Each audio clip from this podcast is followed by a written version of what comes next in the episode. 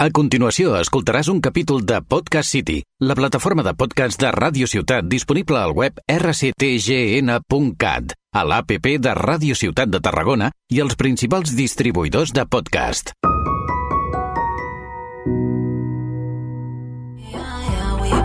És el moment, però demà de tu.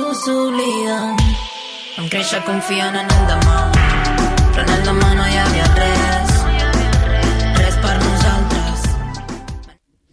Hola i benvinguts a Posem Nom, el podcast dedicat, tal com diu el seu mateix títol, a descobrir algunes dones de la història en tots els àmbits de coneixement possibles, que no han estat reconegudes pels seus descobriments o obres.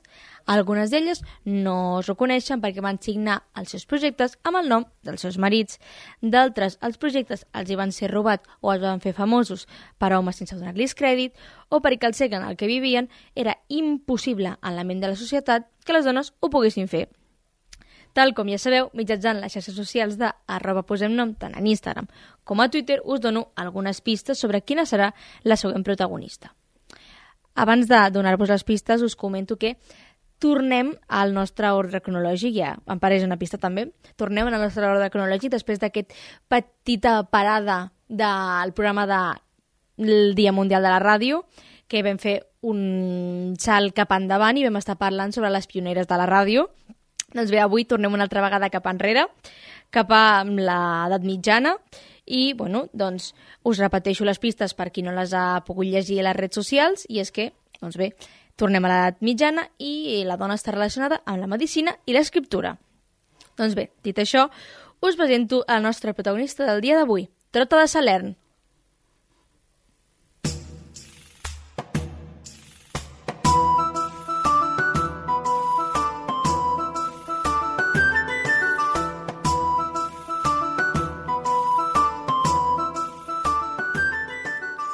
Nascuda l'any 1050 i morta a l'any 1097 a Salerno, Itàlia. Trota va ser una metgessa i escriptora italiana que està considerada la primera ginecòloga de la història. Es saben molt poques coses de la seva vida i les que se saben han estat reconstruïdes mitjançant diversos autors, per tant la seva biografia pot arribar a ser una mica confosa. El que sí sabem és que va ser professora de Medicina a l'Escola Mèdica de Salerniata, el primer centre mèdic independent de l'Església on es van combinar la medicina grecorromana amb la medicina àrab i la jueva, iniciant-se una formació seriosa i sistemàtica del metge, una formació civil allunyada completament dels monestirs que antecedeix a la creació medieval de les universitats i que està considerada per alguns autors com la primera pseudo-universitat europea que acceptava a dones com a professores i alumnes oberta a les dones, aquesta escola de medicina de Saler va fer que de seguida sortissin diversos noms de dones eh, metgesses que van ser grans expertes en l'art de curar. Cal destacar entre els seus principals noms, a més a més de Trota, de la que parlarem avui, Salernitana, Constança i Calanda, que eren alemanyes, Rebecca Guarna, que era jueva, i Abella, que era àrab i entre totes simbolitzen aquesta conjunció del saber entre el món àrab, jueu i cristià i una fusió única entre les tres cultures existents en el món mediterrani occidental de l'època. Ara parlarem de tota. I és que es va convertir en una professional capaç de detectar malalties com el càncer, sí, la cosa ve de lluny, malalties oculars o problemes de la pell, però les idees més revolucionàries per al seu temps van ser les que estaven relacionades amb l'àrea de la ginecologia i l'obstetrícia i un dels seus dos llibres més famosos són, cuidau, parada aquí per al meu superllatí, que és De Passionovus Mulierum Curandorum i De Curis Mulierum. Mm, sí, bueno, ho he pronunciat com he pogut, gràcies. Doncs bé, el primer, el de Passionovus Mulierum Curandorum, aborden 60 capítols temes com la menstruació, la concepció, l'embaràs, el part, el control de natalitat, a més a més de diverses malalties ginecològiques i els seus remeis. Descriu també diverses tècniques, postula brinda una eficaç protecció perineal i fa descripcions sobre epistomies, tot això procediments mèdics molt complicats que jo no us podria explicar. Els seus tractats també pediàtrics donen normes sobre com els lactants i respecte doncs, la cura del nen en els primers mesos de vida. En l'escrit va reflectir idees molt avançades per al seu temps, com que els homes també podien ser estèrils, els culpables de, l'esterilitat de, de la parella, cosa que contradeia el que es creia fins al moment, i és que en aquell moment sempre se pensava que era per culpa de la dona. També es va atrevir a defensar el subministrament d'opiacis a les dones per a tornar al dolor durant el part, una pràctica que aleshores era perseguida per les autoritats, ja que es considerava el dolor en un part com la penitència del pecat original, sí, tot molt religiós. El segon llibre, eh, que és el De Curis Mulierum, doncs aborda temes relacionats, en aquest cas, sobre la cura de la pell, la higiene, la cosmètica, on també recomana a les dones de la seva època cuidar la seva higiene diària, fer exercici físic, massatges amb olis i una dieta equilibrada i saludable com a mesura de prevenció de possibles infeccions i futures malalties. El tractament de totes les qüestions al voltant de la concepció, les cures del postpart, la cura dels lactants i altres temes de ginecologia de les seves obres es van convertir en ensenyaments en matèria obligatòria de les incipients universitats d'Europa de l'edat mitjana. Després de l'aparició de l'impremta de Guterres al segle XV, els seus llibres es van imprimir per primera vegada a meitat del segle XVI i van ser distribuïts amb més facilitat. Tot i això, actualment només sobrevivien un grapat de còpies.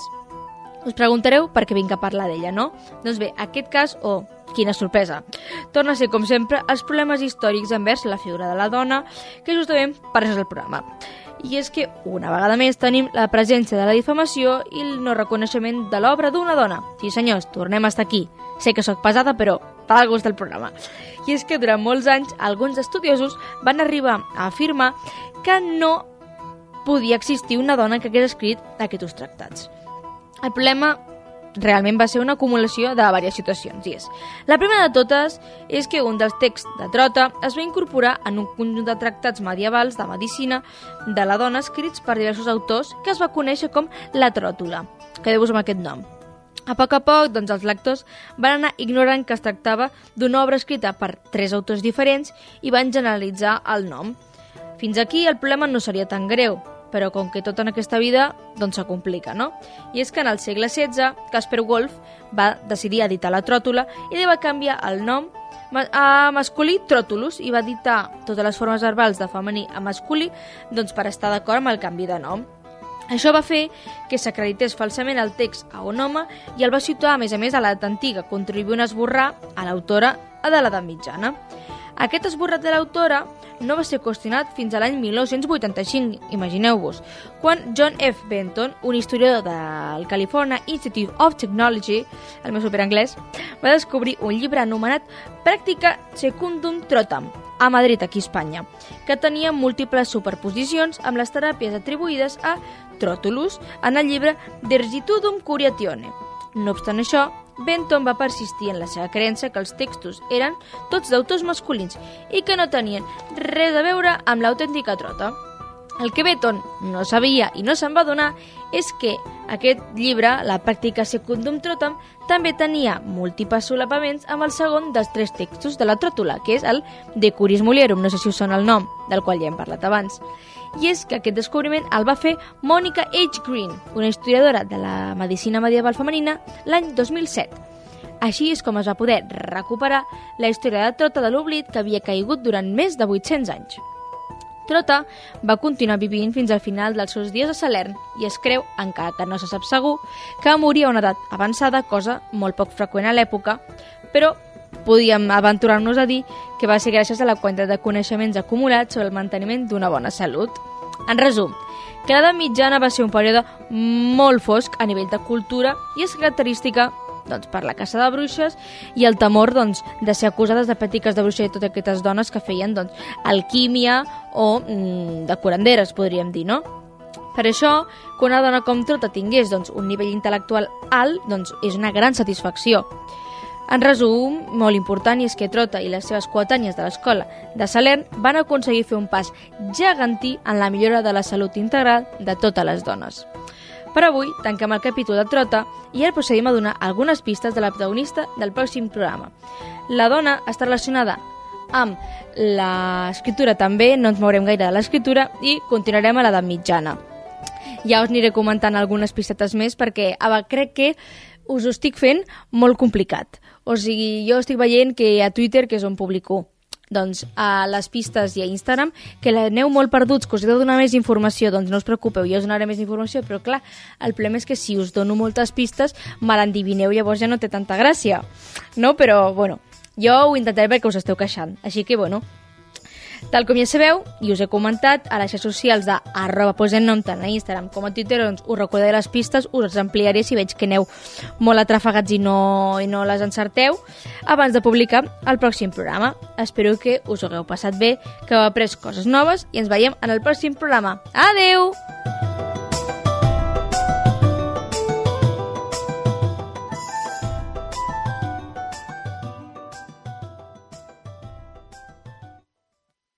Has escoltat un capítol de Podcast City, la plataforma de podcast de Ràdio Ciutat disponible al web rctgn.cat, a l'APP de Ràdio Ciutat de Tarragona i els principals distribuïdors de podcast.